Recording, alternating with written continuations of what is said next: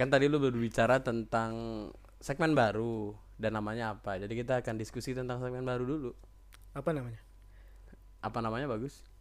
Apa namanya? Jadi ini adalah episode pertama di apa namanya? Apa namanya? Kayak on the spot gitu.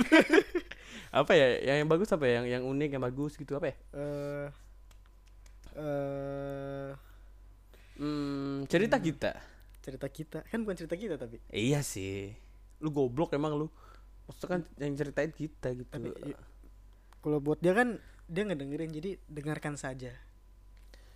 Oh, dengarkan saja. Ya boleh sih, ya. episode boleh. pertama dengarkan saja. Eh.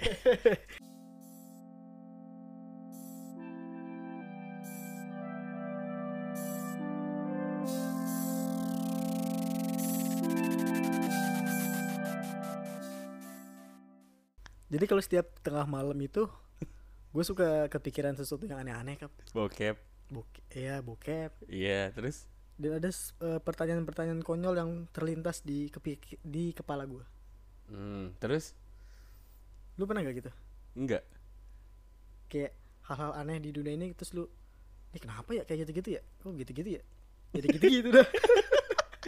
Enggak. Contohnya gini, gue pernah lagi tiduran terus mikir kan di dunia ini kan Ah, udah ada namanya alfabet ya iya. Alfabet itu apa sih? Sekelas Alfamart gitu. iya itu mirip-mirip lah sama alpha block lu tahu itu apaan Anjing. Lanjut, lanjut. jadi di alfabet kan ada A B C D F G sampai Z Ah, lu mikir gak kalau ternyata ada huruf selain dari A sampai Z itu maksudnya huruf yang sudah dikenalkan dan diresmikan ada huruf lain. yes Sebenarnya eh, nggak tahu ya, kan kalau misalnya yang dari temanku kan gue punya teman yang dari jurusan bahasa. Walau walaupun bukan bahasa Indonesia, dia bahasa Jepang, tapi dia eh, ngasih tahu gua kalau bahasa itu seperti perjanjian. apa tuh Jadi seperti perjanjian. Jadi kayak misalkan kita ngomong kata kita itu karena kita udah seperti perjanjian kalau benda benda ini atau jangan kita deh gini deh biar gampang. Suatu botol. Ini botol yang ada di depan kita sekarang nih.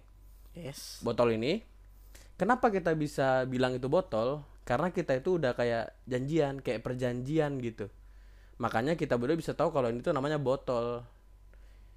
huruf huruf kan huruf yang gue tanyain huruf Iya kan maksud gua huruf huruf itu kan salah satu elemen Jadi pembangun misalkan- kata gitu loh. Iya, kalau misalkan kita perjanjian bikin huruf baru gitu berarti bisa aja ya Bisa.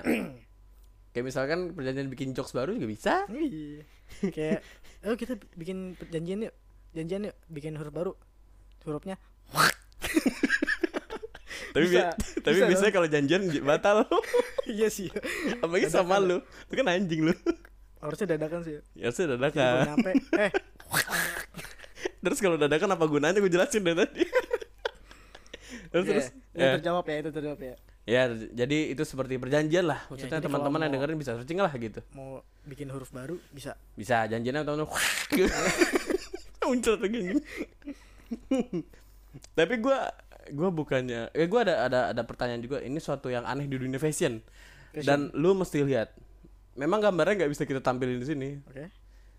Kenapa masih ada bahan nih, bahan baju kita kayak tekstil lah. Orang bikin swimsuit pakai swimsuit itu baju renang pakai ini solasi. Ah. Tuh. Widih.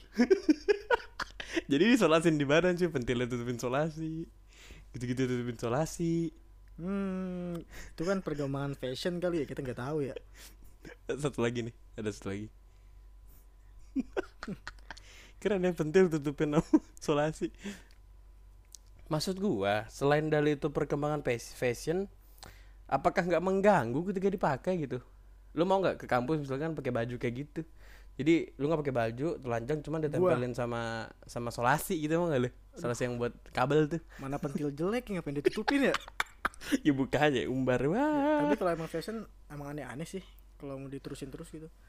Kayak penyanyi-penyanyi yang Katy Perry itu gue yang pakai baju, pakai dress dari bahannya daging.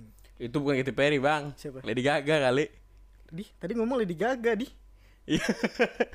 Katy Perry, Bro. Lady Gaga budek. Ya, eh, pokoknya nanti ini kita kita dengerin lagi aja. Taruhan berapa ya? Ayo. Gue jadi taruhan ya.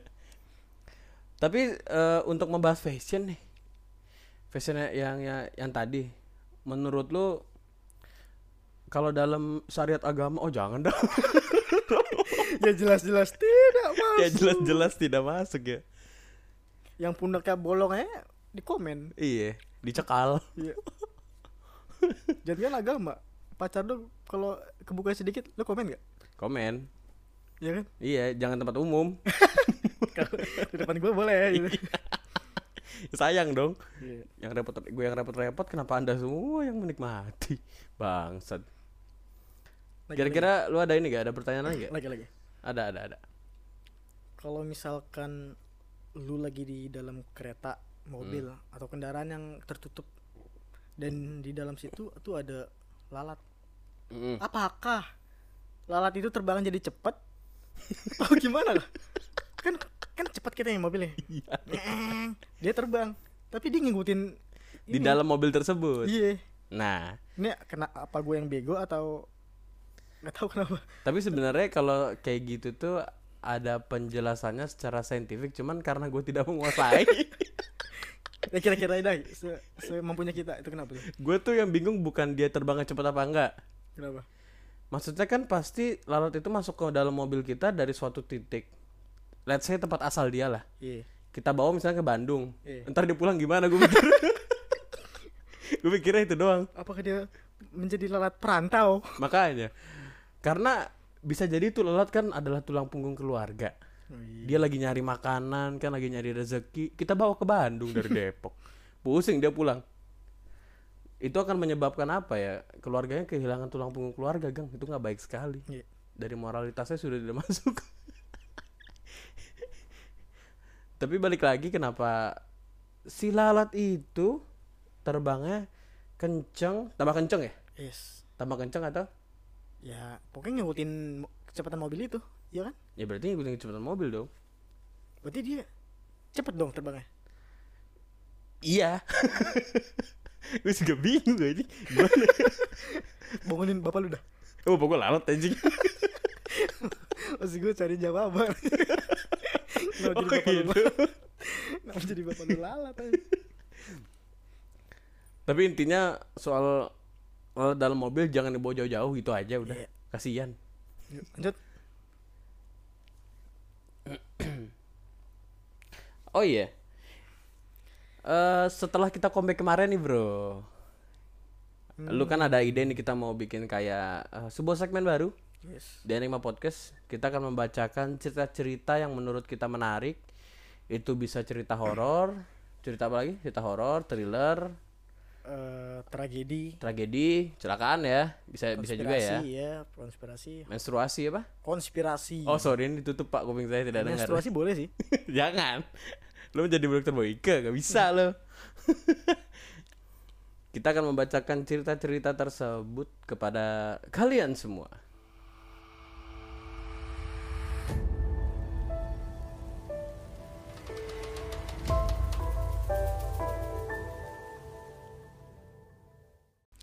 di kesempatan kali ini gue bakal bercerita tentang eh, Pulau Sentinel Utara Waduh. atau bahasa Inggrisnya North Sentinel Island gitu gak sih baca Enggak biasa. Sentinel Inggris lu emang jelek sih tapi jangan jelekin lagi dong. Tambah didongkrak kejelekannya gitu.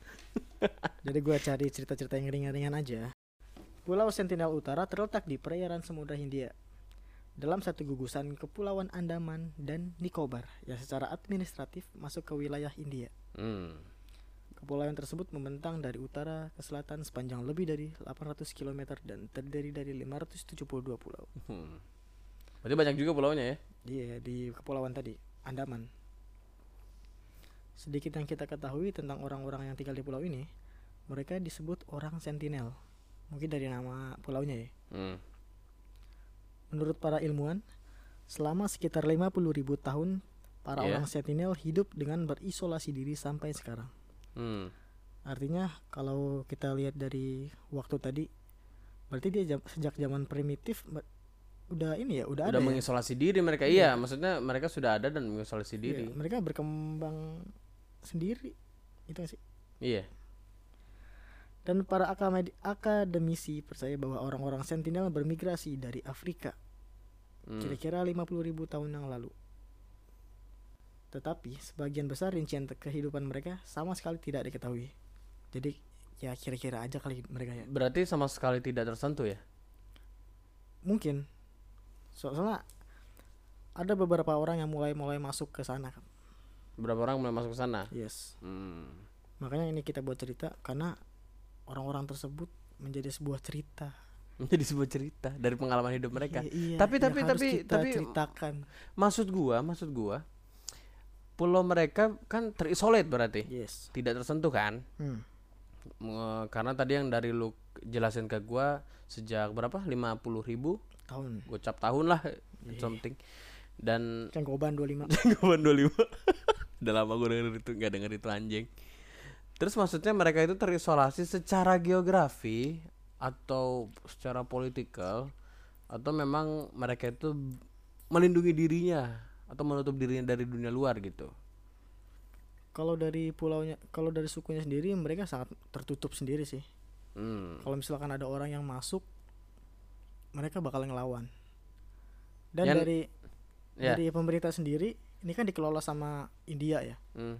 Walaupun nggak ada kesepakatan antara dua pihak ini, tapi India yang resmi memegang. Iya Mungkin karena secara geografi mereka masuk Yes. Iya Ya bi- bisa-bisa lanjut aja Jadi cerita ini sebenarnya sempat heboh eh, gara-gara ada satu turis Amerika hmm? yang mencoba masuk ke pulau tersebut dan Hmm. akhirnya malah tewas mengenaskan dipanah sama orang-orang sana. Waduh Mungkin dia berpikirnya Hah ada pulau kosong nih gue mau kayak Squidward bebas Kalau dari yang gue baca-baca mungkin banyak versi apa kurang tepat bat itunya Hmm. artikelnya. hmm. Ada yang bilang dia mau nyebarin agama lah, agama Kristen lah. Oh ya? Iya, ada yang bilang kayak gitu. Pokoknya intinya nama orang ini adalah John Allen Chow. Hmm. Kita sebut aja Chow ya. Ciao. Abang Ciao, Bang Ciao. Chow enggak? Ciao lah. Chow lah. Jangan Ciao ini kelarin dulu Bang Oh, iya. Ciao. Ya, silakan dibacakan tentang cerita Bang Ciao. Oke, kita lanjut kita kita lanjut bacakan cerita Bang Chow. Bang Ciao. Chow yang berangkat bersama beberapa nelayan yang di mana eh sih? Chow berangkat bersama beberapa nelayan yang disewanya, Hmm. yang di mana mereka yaitu nelayan setelah kejadian tersebut langsung diamankan oleh kepolisian. Hmm. Kenapa tuh? Ya karena kan itu dilarang masuk ke sana Hmm. sama India. Para nelayan mengatakan kepada polisi bahwa mereka terakhir melihat pria Amerika itu dihujani panah oleh suku Sentinel Buh. tepat setelah ia mendarat di Pulau Sentinel pak pada 16 November 2018 Edan, 2018 lagi baru dua tahun 2 tiga tahun, tahun, lalu 3 lah. tahun kemarin ya. anggota suku lalu men- anggota suku lalu menyeret Chow ke pantai Hmm. beberapa saat kemudian mereka melihat tubuh Chow setengah terkubur di pasir Gila. Itu gua ngebayanginnya maksudnya serem gitu. Lu tahu-tahu masuk ke tempat orang dipanahin dipanahin terus lu dikubur. Gak bisa bayangin gua. Gila serem banget. emang orang-orang Sentinel ini eh, dikenal sebagai suku-suku yang agresif sih Hmm. mungkin itu cara mereka buat ini kali ya mempertahankan diri ya. Iya. Misalkan kan eh, misalnya kan kita kita aja tahu kalau ada beberapa suku yang di Indonesia masih menolak interaksi dengan dunia luar iya karena alasan mereka ingin mempertahankan budaya mereka. Tapi kan di sisi lain kita nggak tahu alasan apa ya alasan suku Sentinel tersebut gitu kan karena karena kan mungkin eh, kita keterbatasan bahasa ya. yes Hmm. susah juga ketika udah sampai sana weh gua aman gua aman gua teman lo gitu Hah? nggak bakal ma- nggak bakal ngerti Siapa anda? Dipanah lo. Atau mereka juga ini mungkin eh, gampang merasa terancam mungkin aja.